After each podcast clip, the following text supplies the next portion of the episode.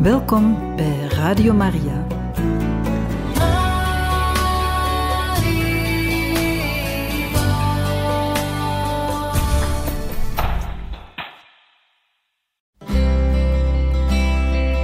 Welkom bij Boekat, een programma van Radio Maria.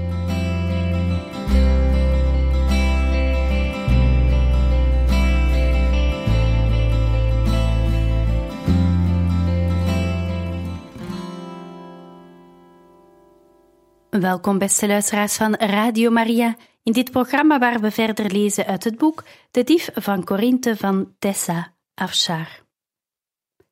We zijn aangekomen aan de laatste aflevering. Vergeet niet, indien u de vorige afleveringen of gans het boek opnieuw wil herbeluisteren, neem zeker een kijkje op onze website radiomaria.be. Hoofdstuk 33 Justus nodigde mijn familie uit om bij hem thuis te komen eten.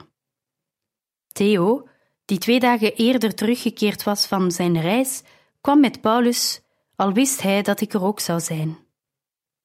Paulus had tegen hem gezegd dat we hem belangrijk nieuws te vertellen hadden. Hij leek magerder. Zijn nogal lange gezicht, een en al hoeken en jukbeenderen de zilveren streep in zijn haar goed verborgen. Aan het einde van de avond zou hij nog meer reden hebben om die streep te verfoeien. Ik zat aan de ene kant, waar hij niet naar me hoefde te kijken. Toen de eerste gang was afgeruimd, stuurde Justus de bediende weg en zei dat ze voorlopig niet terug moesten komen. Hij oogde koortsachtig met een hoge kleur en trillende handen. Theo, zei hij, Paulus heeft je verteld dat ik nieuws voor je heb? Ja. Theo, ik. Ik ben je broer, zei Justus, plomp verloren. Dank je, zo voel ik het ook. Justus haakte met zijn hand in de lucht Nee, ik bedoel, Theo, luister. Mijn moeder was jouw moeder. We zijn halfbroers. Theo zat stil. Je moeder? Zij. We hebben verschillende vaders, maar we zijn geboren uit dezelfde moeder. Ik heb het nooit geweten, tot gisteren. Theo haalde een hand door zijn haar zodat het overeind stond en de zilveren streep zichtbaar was. Ik begrijp het niet. Justus boog zich naar hem toe, zijn hand uitgestoken in een smekend gebaar. Voordat ik je meer vertel, moet je goed naar me luisteren. Tot gisteren dacht ik dat ik geen familie had. Nu heb ik ontdekt dat ik een broer heb. Het is alsof de wereld aan mijn voeten is gelegd. Je bent kostbaar voor me, Theo. Ben je mijn broer? Theo stond op en ging meteen weer zitten. Als dat waar is, ben ik de meest gezegende man van de wereld. Het is waar. Hoe weet je dat? Hoe kom je ineens aan die wetenschap? Om de weg te plaveien voor het slechte nieuws, vertelden Justus en Dionysius om beurten over Philonius en Papirius. Toen ze uitlegden hoe ik de kist met brieven had gestolen, zochten Theo's ogen de mijne een ogenblik. Daarna gleden ze weer weg. Tussen die rollen vonden we een brief van onze moeder, zei Justus. Daarin spreekt ze over jou. Ze hield van je, Theo. Mijn vader heeft je bij de Bema neergelegd zonder dat ze het wist. Hij schudde verward zijn hoofd. Waarom? Had je moeder een minnaar? Ben, ben ik het resultaat van haar ontrouw? Onze moeder. En nee, niet precies, zei Justus en hij haalde diep adem.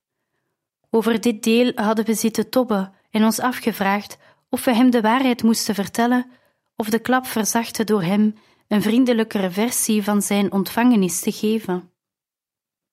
Paulus had ons gewaarschuwd dat God niet de vader van leugens was, zelfs niet van goed bedoelde. We wisten in elk geval dat Theo erop zou staan om de brief te zien. Dat ene bewijs dat licht wierp op zijn afkomst, zou hij niet lichtvaardig loslaten. Theo, we weten niet wie je vader is. Waarschijnlijk zullen we het nooit te weten komen. Er staat geen naam in de brief van onze moeder. Wat ze wel te kennen geeft, is dat je vader zich aan haar heeft opgedrongen. We kennen de omstandigheden niet. Theo zat doodstil. Heeft hij haar verkracht? Het maakt geen verschil, Theo. Jij bent niet verantwoordelijk voor wat er gebeurd is. Ik zou niet meer van je kunnen houden als we dezelfde vader hadden. Theo probeerde op te staan en zakte in elkaar. Ben je gek? Hij was zo emotioneel dat hij nauwelijks verstaanbaar kon praten. Natuurlijk maakt het verschil. Ik ben erger dan een bastaard. Ik ben het gevolg van geweld en verkrachting. Het is afschuwelijk. Ik ben een monster. Paulus stond op. Wees stil, Theo. Luister naar me. Wat je moeder is overkomen, was onuitsprekelijk verschrikkelijk. Maar God heeft zich in dat gruwelijke moment gemengd en er iets goed in gelegd. Dat was jij, Theo. Je hebt de Heer Jezus leren kennen. Je weet dat Hij is gestorven om jou de zijne te noemen, om aanspraak op je te maken, om je te herstellen. Zou Hij zo'n offer brengen voor een monster? Nee, Theo, je bent zijn prijs, zijn schat. De man die je verwekte, heeft ernstig gezondigd tegen je moeder. Op een dag zal hij voor God staan en verantwoording moeten afleggen voor zijn misdaad. Maar jij bent niet verantwoordelijk voor zijn schande. God houdt van je, Theo, en dat verleent je meer waarde dan alle sterren aan de hemel. Justus stapte naar voren. Zonder een woord te zeggen, trok hij Theo in zijn armen. Alsjeblieft, Theo, alsjeblieft.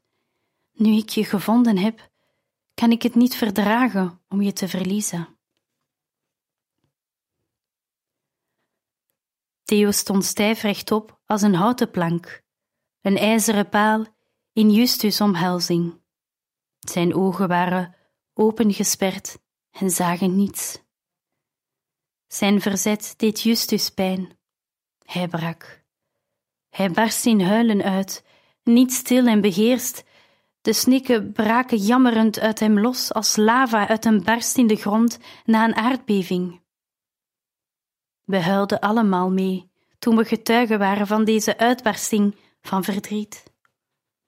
Mijn borst deed pijn, mijn hoofd deed pijn, mijn keel brandde. Mijn hart stond op het punt te breken. Theo's mond werd zacht. Justus' droefheid drong door de mis van afgrijzen die hem verstikte. Hij legde een hand op Justus' rug en slikte krampachtig. Slikte nog een keer en smolt. De twee mannen kwamen samen, als één standbeeld uit hetzelfde stuk marmer gehouwen. Ze smolten samen, één in hun tranen, verdriet en liefde. Toen de storm was gaan liggen, zonken ze naast elkaar neer op een bank. Als ze vrouwen waren geweest, hadden ze elkaars hand vastgehouden. Mannen zijn niet zo gezegend. Hun schouders raakten elkaar. Dat was kennelijk genoeg. We hadden allemaal even stilte nodig, een beetje rust, om bij te komen. Toen er enige tijd verstreken was, zei Theo: Mag ik die brief zien? Justus ging de rol van zijn moeder halen. Tegen de tijd dat Theo de brief uit had, was alle kleur uit zijn gezicht weggetrokken. Toen was het vaders beurt om de gaten op te vullen. Hij had zijn zilveren kistje meegebracht. Deze zijn van jou, zei hij, en hij overhandigde hem het tekentje en de rammelaar. Toen Theo ze wilde aanpakken, pakte vader zijn pols vast. Ik ben altijd trots geweest dat je mijn zoon was. Mag ik je adopteren? Een beetje laat, dat geef ik toe, maar niet minder innig gemeend. Theo's ogen vulden zich weer met tranen. Ik zal erover nadenken. Dat is het enige wat ik vraag. Toen Theo zijn plaats weer innam, staarde ik naar de twee broers en probeerde sporen te vinden van hun gezamenlijke moeder. Er was een vage gelijkenis in de vorm van de ogen, de welving van hun kin, de manier waarop ze glimlachten. Het zou je ontgaan als je het niet wist. Twee mannen die allebei op een andere manier mijn hart bezaten. Mijn ogen bleven een ogenblik op Theo rusten, op dat pijnlijk vertrouwde gezicht dat nu zo ver van me af was. Toen op Justus, die mijn hart had gestolen. De liefde en verdriet welden in me op. We hadden allemaal zoveel verloren aan de rampen van onze ouders.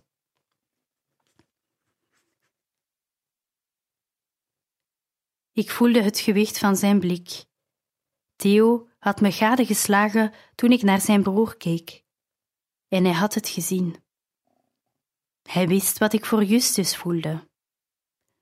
Zoals altijd had hij me zonder woorden doorgegrond. We keken elkaar even aan. Een moment van afscheid, van spijt, van het onherroepelijke einde van een fase in ons leven. Theo stond op. Ik moet gaan. Justus stond ook op. Kom je terug? Geef me tijd. Broer, ik heb het gevoel dat ik een walvis moet doorslikken. Neem alle tijd die je nodig hebt. Ik zal er altijd voor je zijn.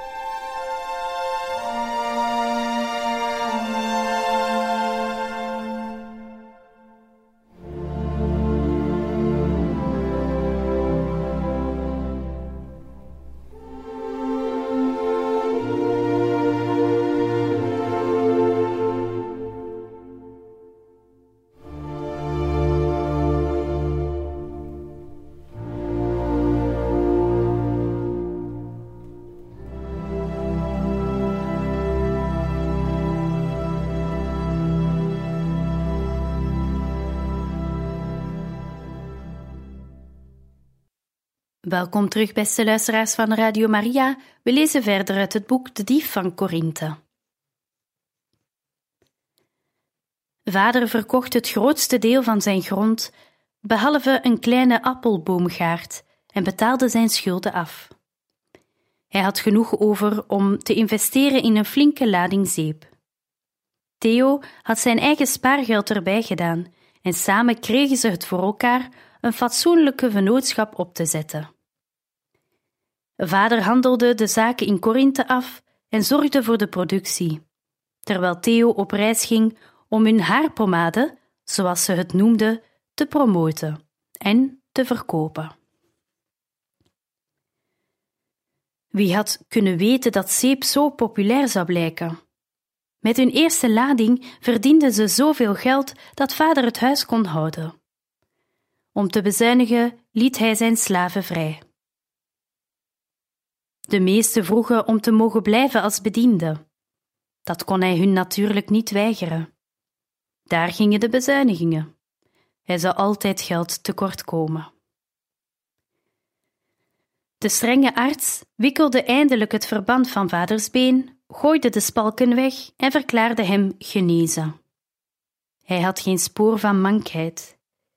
Ik kon God nooit genoeg danken voor dat wonder. Acht maanden later trouwde ik met Justus. De week voor de bruiloft bracht Paulus een pakketje naar ons huis. Ik heb mijn vriendin Lydia gevraagd dit voor je op te sturen. Een huwelijksgeschenk. Lydia van Filippi? De purperverkoopster. Ja, die. Ken je haar? Ik heb haar gedoopt. Ga je het pakje openmaken of zal ik het terugsturen? Je waagt het niet? In het pakje zaten een exclusieve tunica en een lavendelkleurige palja, de mooiste die ik ooit had gezien. Gillend als een tiener streelde ik de zachte zijde. Paulus, lieve Paulus, ik kan het niet aannemen. Het is te kostbaar. Hij haalde zijn schouders op. Je broers hebben het betaald. Ik was slechts het instrument van aankoop en het middel tot een vriendenprijs. Mijn broers? Meervoud? Dionysius en Theo. Ik begroef mijn gezicht in de luxueuze stof, mijn ogen brandden van tranen. Theo was de laatste maanden meer met Justus opgetrokken, maar mij ging hij nog steeds uit de weg. Justus had hem een groot stuk eerste klas grond en een aanzienlijke geldbedrag opgedrongen en gezegd dat het zijn erfenis was. Vader zei dat Theo van plan was daar een huis voor zichzelf te laten bouwen. Diezelfde dag was Dionysius aangekomen uit Athene. Voordat hij ons fatsoenlijk had begroet, haastte hij zich naar Stefanus' huis. Hij had maandenlang met Gara gecorrespondeerd. Een blinde kon zien dat vader binnenkort een nieuwe bruiloft wachtte. Op mijn trouwdag had ik meer lieve vriendinnen om me heen dat ik ooit had kunnen dromen.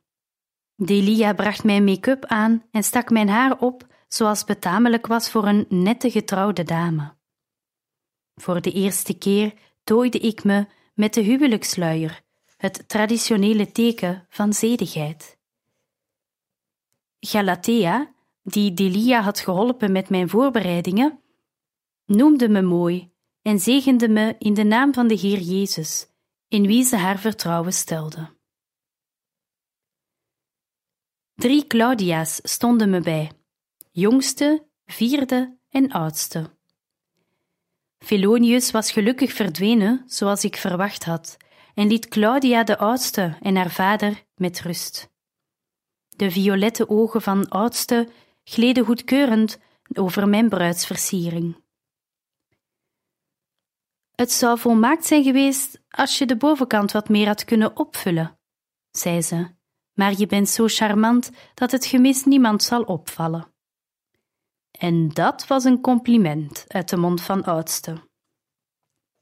Ik ben zo blij voor je, riep jongste uit. Je bent schitterend. Justus' ogen zullen uit zijn hoofd rollen van bewondering als hij je ziet. Het was moeilijk te geloven dat de twee vrouwen familie waren.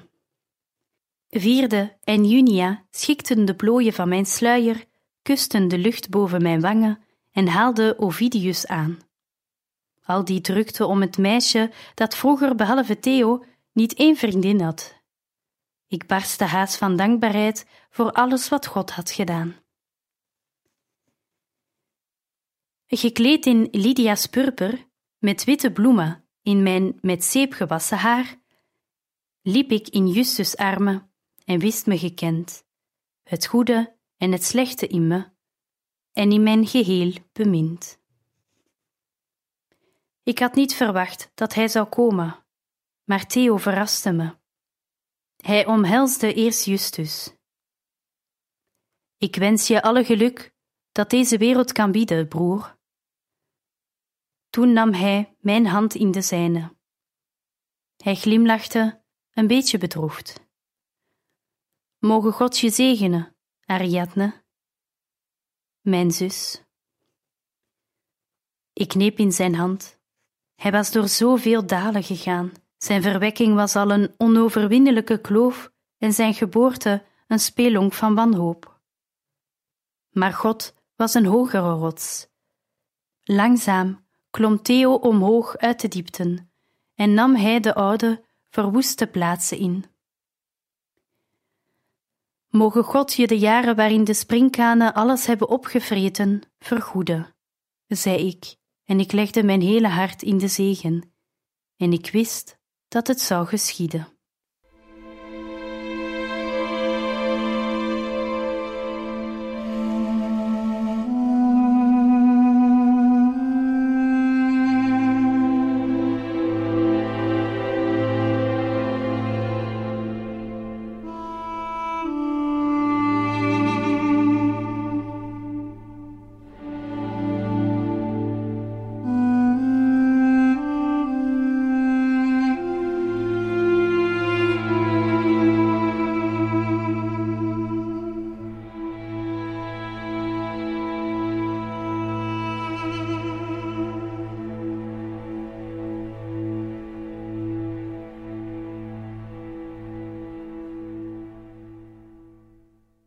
Een maand na onze bruiloft ontving ik een brief van mijn moeder, haar eerste in zes jaar. Met trillende vingers brak ik het zegel. De kolkende bitterheid van jaren kwam boven. Wat voor gif bevatte haar brief? Welke nieuwe beschuldigingen had ze voor me na zo'n lange scheiding? Er stond geen aanhef boven. Hij was niet ondertekend. Ik las drie woorden al wat de rol bevatte, en liet het perkament uit mijn krachteloze vingers vallen. Justus, die naast me had gestaan, kalm en zeker als een onverzettelijke berg, bukte om hem op te rapen. Hij hapte naar adem toen hij de woorden las: Ik ben stervende. Dionysius had de rol doorgestuurd en er een van zichzelf bijgedaan, waarin hij me verzekerde dat het geen list was. Onze moeder was de laatste maanden achteruit gegaan. De artsen dachten dat ze de winter niet zou halen. Kom snel, Ariadne, schreef hij. Het is tijd om afscheid te nemen.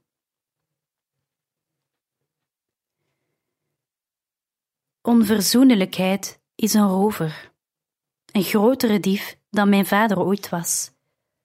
Niet willen vergeven berooft het hart van vrede.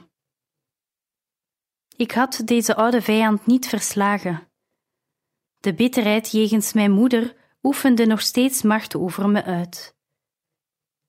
In deze laatste dagen van haar leven kon ik het scherpe zwaard van wraak tegen haar heffen. Ik kon haar mijn aanwezigheid onthouden, niet naar Athene gaan mijn afwezigheid het laatste woord laten spreken. Maar ik wist dat ik spijt zou krijgen van die keuze, want het was evenzeer een keuze tegen God als tegen mijn moeder. De Jezus, die een misdadiger welkom had geheten in het paradijs, die mij vergiffenis had geschonken, wachtte nu stil op mijn besluit. Ik moest gaan. Het kostte Justus een paar dagen om onze reis naar Athene te organiseren. Ik gebruikte die dagen om na te denken over wat ik allemaal tegen mijn moeder wilde zeggen. De lange lijst van wandaden die ze tegen me had begaan. Hoe waar ze ook waren, ze lieten een bittere smaak na in mijn mond. Op de avond voor ons vertrek lag ik slapeloos te strijden om een zekere mate van vrede. Vader, help me, smeekte ik. Ik herinnerde me plotseling levendig de vele profeten die God door de jaren heen naar zijn volk had gestuurd. Ze waren gegaan om zijn kinderen tot reden te brengen, om hun de waarheid te vertellen, om hun hun verkeerde wegen te laten zien, hun wandaden op te noemen en schuld te laten beleiden, zodat er verzoening kon komen. Het had zelden geholpen. Uiteindelijk had God de harten van zijn volk niet gewonnen door met hen te redeneren, door hun wandaden te verklaren. Hen die gewillig waren, had hij gewonnen door liefde. Een liefde zo diep dat zij bereid was te sterven. Dat was wat mijn moeder nodig had. Ironisch genoeg was het ook wat ik zelf nodig had. Geen wraak en veroordeling, geen woorden die mij in het gelijk zouden stellen en haar tekortkomingen bewijzen.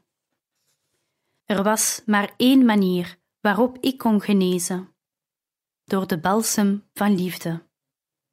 Onverdiende liefde, opofferende liefde, een gekruisigde liefde. Ik was er helemaal niet zeker van dat ik zoveel liefde in me had toen ik met mijn echtgenoot aan mijn zijde aan boord van het schip stapte. Dionysius haalde ons op in de haven toen we van boord gingen. Ik bespeurde een kalmte in hem, ondanks dat het verdriet zijn wangen had doen invallen. Zijn vrede was niet van deze wereld, wist ik. Ik had me zorgvuldig gekleed voor deze ontmoeting. Ik droeg een effen witte tunica en mijn kunstig opgestoken haar was verstopt onder een zedige palja.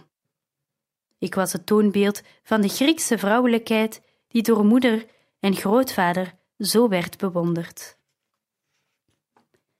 Het was niet een laatste poging om haar goedkeuring te winnen, daar was ik van genezen. Ik wilde haar alleen het enige geschenk geven dat ik kon geven. Voordat we door de hekken van het huis van mijn grootvader naar binnen gingen, haalde ik diep adem, legde mijn ijskoude vingers in Justus' hand om kracht te putten en was er klaar voor. Dionysius liet ons in mijn moeders kamer. Die zag er nog hetzelfde uit als ik me herinnerde.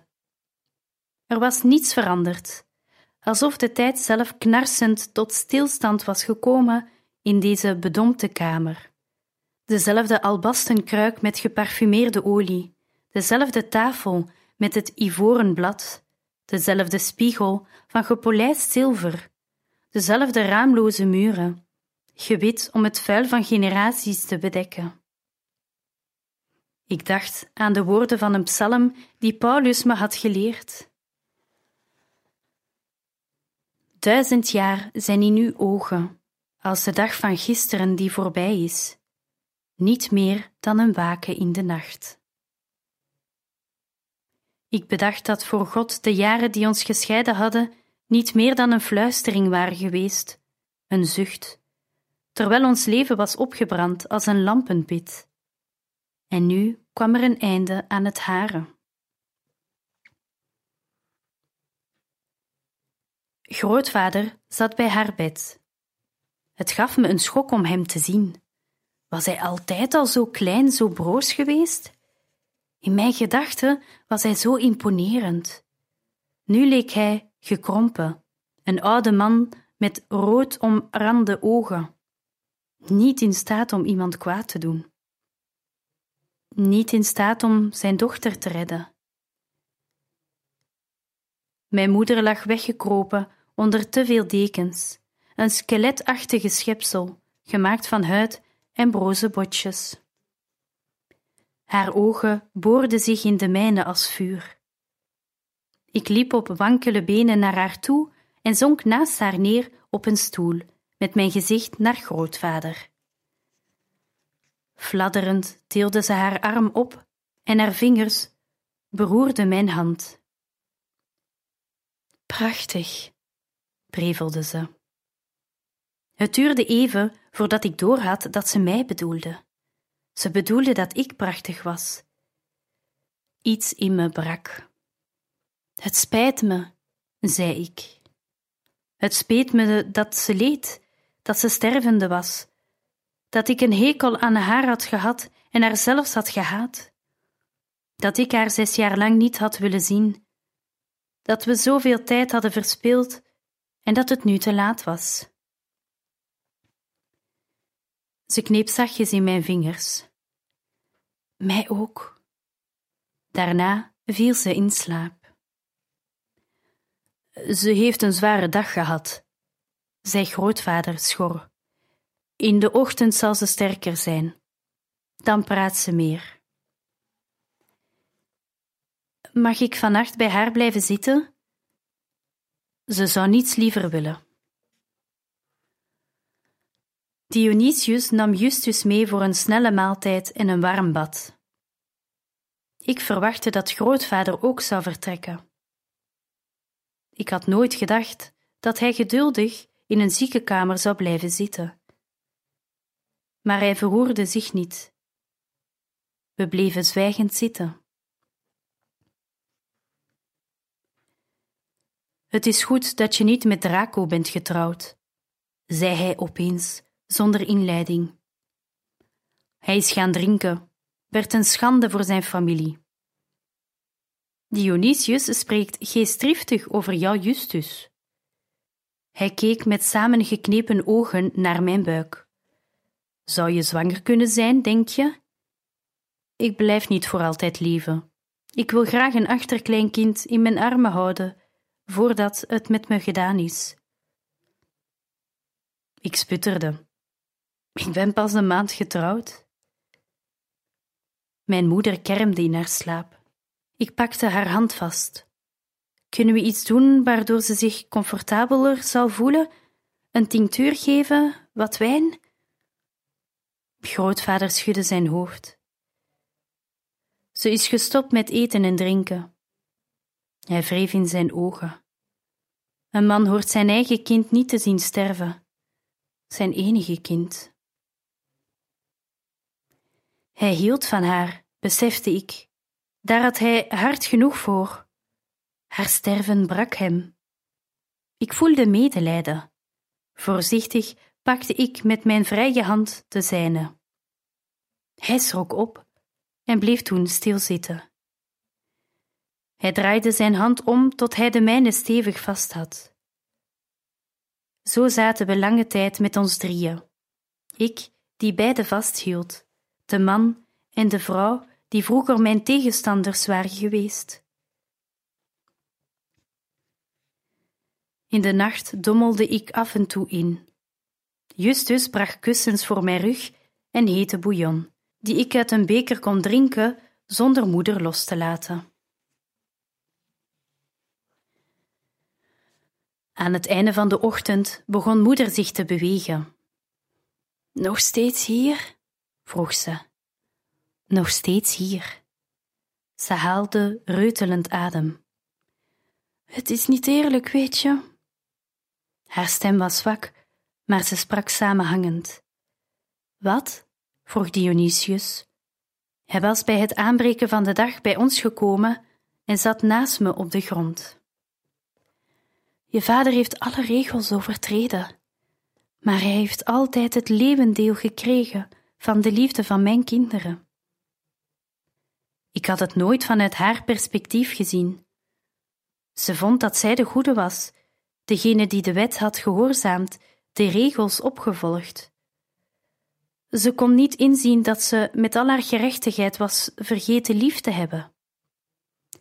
Het spijt me, zei ze, hulpeloos.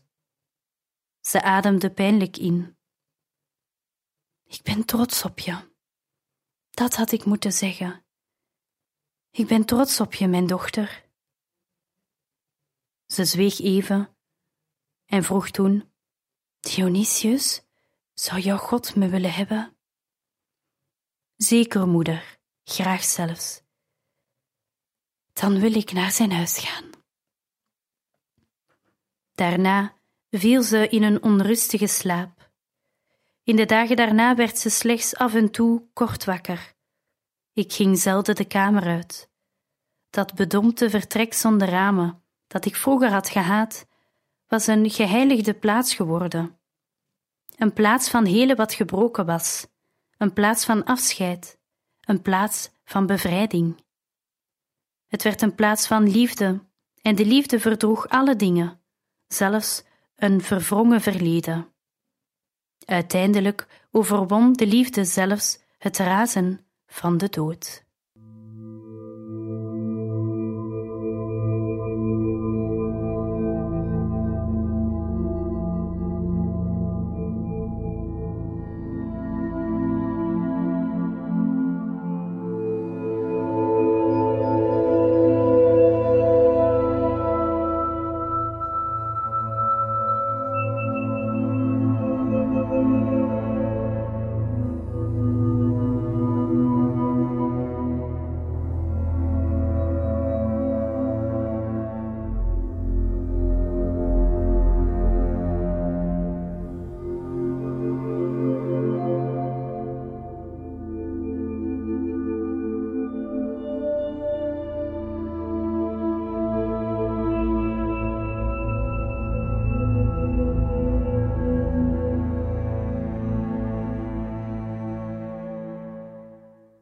En zo, beste luisteraars van Radio Maria, zijn we aan het einde gekomen van deze aflevering van het programma Boekad en ook tevens de laatste aflevering waar we hebben voorgelezen uit het boek De Dief van Corinthe van Tessa Afshar.